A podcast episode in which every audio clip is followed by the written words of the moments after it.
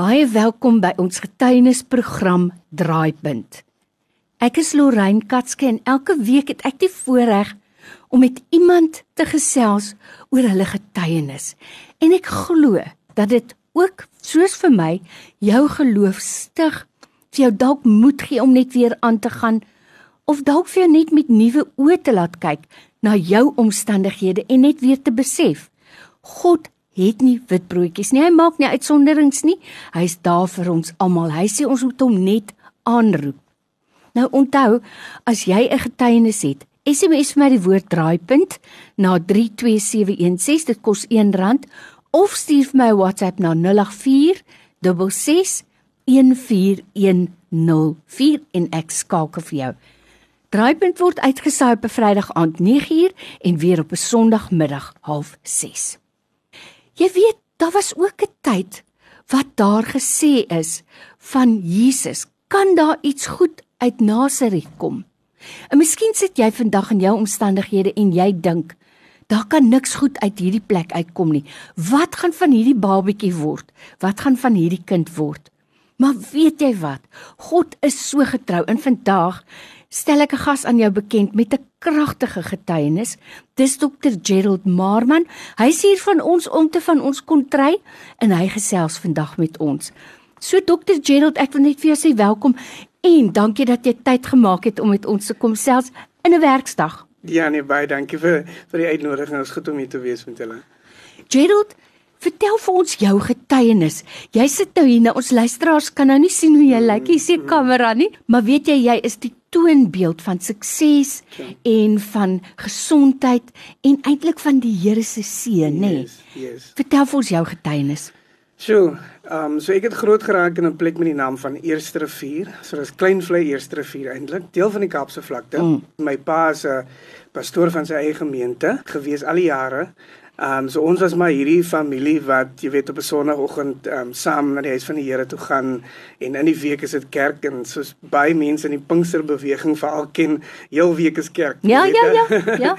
Ehm um, so dit was my lewe gewees. Ek het natuurlik fantastiese ouers wat ehm um, vir my voorgestel het aan die Here. So ek het tot bekering gekom op die ouderdom van 10 jaar oud. Ehm um, ek is vandag 36. So wow.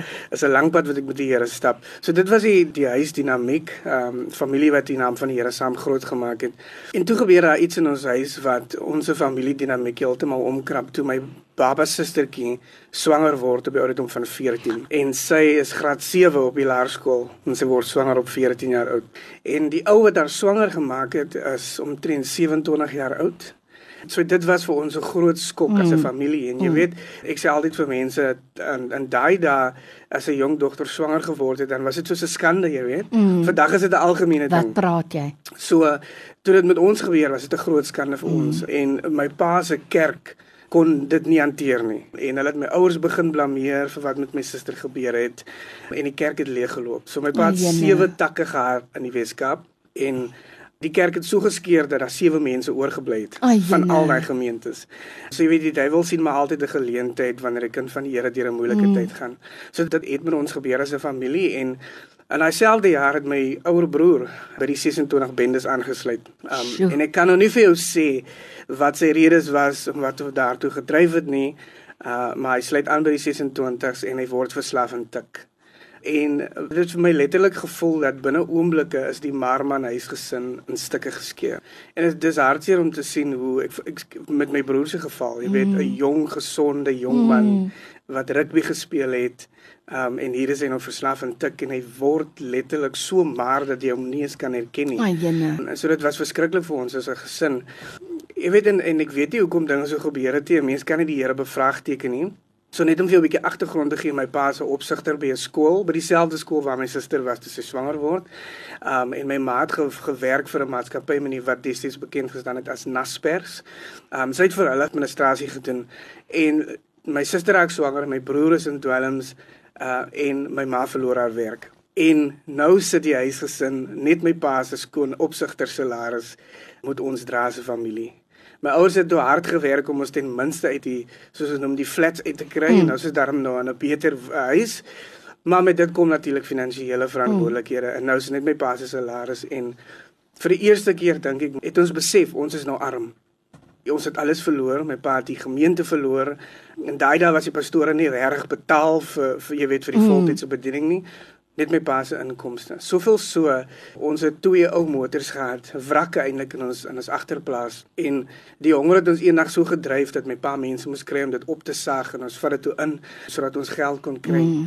En dit was nie eens regtig genoeg om kos op die tafel te sit vir 'n week nie. So hierdie is die malligheid. Ek, ek daar's nog nie tyd om regtig al die details te vertel nie, maar wat ek wil uh, tuisbring vandag is reg in die middel van al hierdie malligheid. Van hierdie Job se verhaal. Yes, reg in die middel van dit alles sit ek Gerald Marman, 'n jong seun wat tot bekering gekom het op die ouderdom van 10.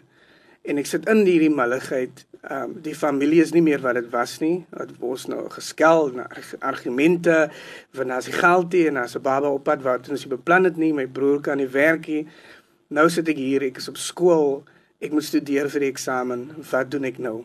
En natuurlik is daar baie vrae wat deur jou kop gaan, jy weet, want ek ken die woord van die Here. Ek weet dat hy hy het goeie planne en goeie gedagtes vir ons om mm. ons 'n hoopvolle toekoms te gee. So ek het die Here begin vra vra en sê hoe dit gebeur en en waar is u? En eendag kom ek van die skool af, hoërskool, en ek stap so oor 'n lang veld, groot veld en dit voel vir my asof alles net te veel is. By daai tydstip was ek gediagnoseer met 'n mag-ulkus. Ag jene man. Ehm um, ek is depressie, ek moet medikasie kry om te slaap.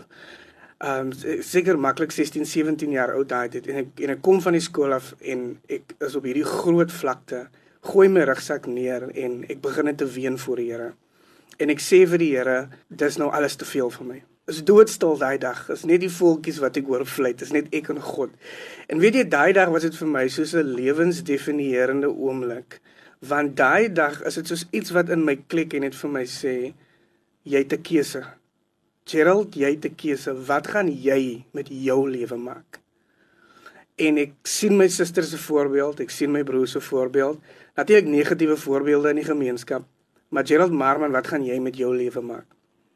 In daai oomblik sê ek vir die Here, dit maak nie vir my saak hoeveel dit my gaan kos nie en hoeveel harde werk dit gaan neem nie, maar ek gaan 'n sukses van my lewe maak.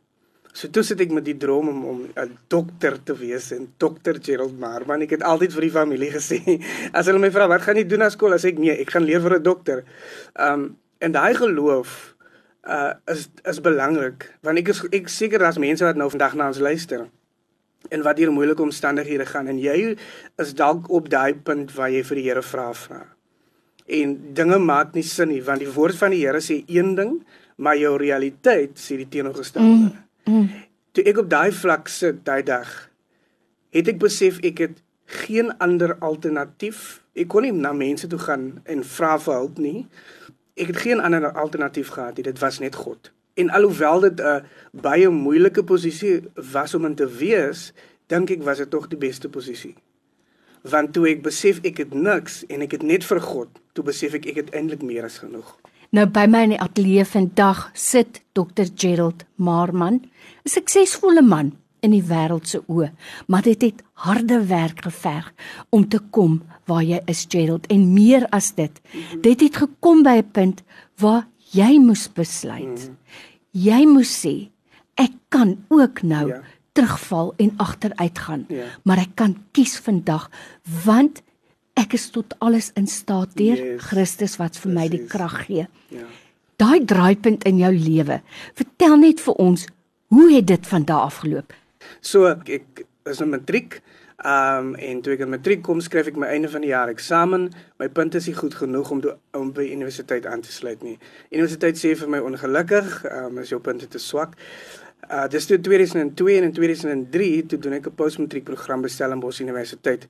En toe gaan ek universiteit toe, bly op die koshuis, maar toe moet jy weet toe die huislike omstandighede nog niks verander nie. Ons is nog steeds arm. My maat het nou 'n werk gekry, was hy tee maak by 'n maatskappy. En hierdie dag sit ek by die universiteit, my beursgeld het uitgeloop. Ek het niks kos. Ek het omtrent vir 2 dae niks geëet nie en ek sit op die universiteit. Ek gaan toe na 'n uh, 'n foon toe telefoon en ek 'n uh, publieke telefoon en ek bel my pa die dag.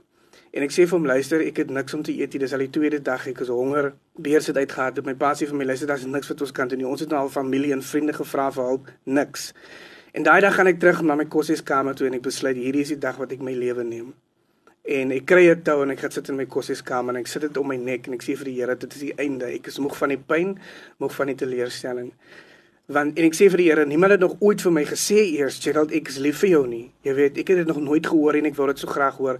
Ek sit in my kamer met met, met die tou om my nek en my foon lê gereed om my lewe te neem. My foon lê. Antwoord ek sien is my ma. Ek druk die foon af, sy bel terug en ek antwoord die foon en sy sê vir my boeta, ek het nie baie ligtheid op my foon nie, maar ek sit hier by die huis met my kind en ek voel iets is nie reg met jou nie. En sy sê vir my my kind, mami wil net vir jou sê, mami is lief vir jou. En sy sê moenie worry nie, die Here gaan vir jou deurkom. En daai dag red my ma se oproep my lewe, 'n geweldige draaipunt. Hoe prakties kan die Here nie wees nie. Hoe Yes. wonderbaarlik is sy tydsberekening nie. Perfek. Perfek. Dit is asof God daar gestaan het en alles mm, gehoor het mm. wat ek vir hom gesê het.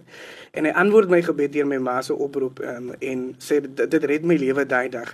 En van daar af draai die Here my lewe heeltemal om. Daai selfde jaar kry ek twee beurse van die Universiteit van Stellenbosch en ek studeer verniet. Om 'n lang storie kort te maak, vandag is ek Dr. Gerald Marman uh, met omtrent 5 grade agter my naam en 'n klomp toekenninge vir die wetenskaplike navorsing wat ek hier doen by Tygerberg uh, Hospitaal. En dit is wat die Here kan doen. En ek dink as iemand vandag na my luister, wil ek net sê dat as Gerald Marman dit kon doen, dan kan jy dit doen. Ek wil vir iemand sê, soek eers die koninkryk van God en al hierdie dinge sal vir jou bygevoeg word. Verlustig jou in die Here en hy sal jou gee die begeertes van jou hart, want sonder Christus is dit regtig nie moontlik nie. Mens kan niks daarop sê nie. Yes. Amen en amen. En ek wil sommer vir jou as luisteraar vandag bemoedig met Gerald se woorde, maar meer is dit. Wil ek vir jou ook sê, sit ook sy naam op jou gebedslys en dank die Here vandag dat hy hierdie man se lewe gespaar het, want deur sy lewe maak hy die Here se naam groot. Gerald, dankie vir jou tyd vandag. Baie dankie, Lorraine.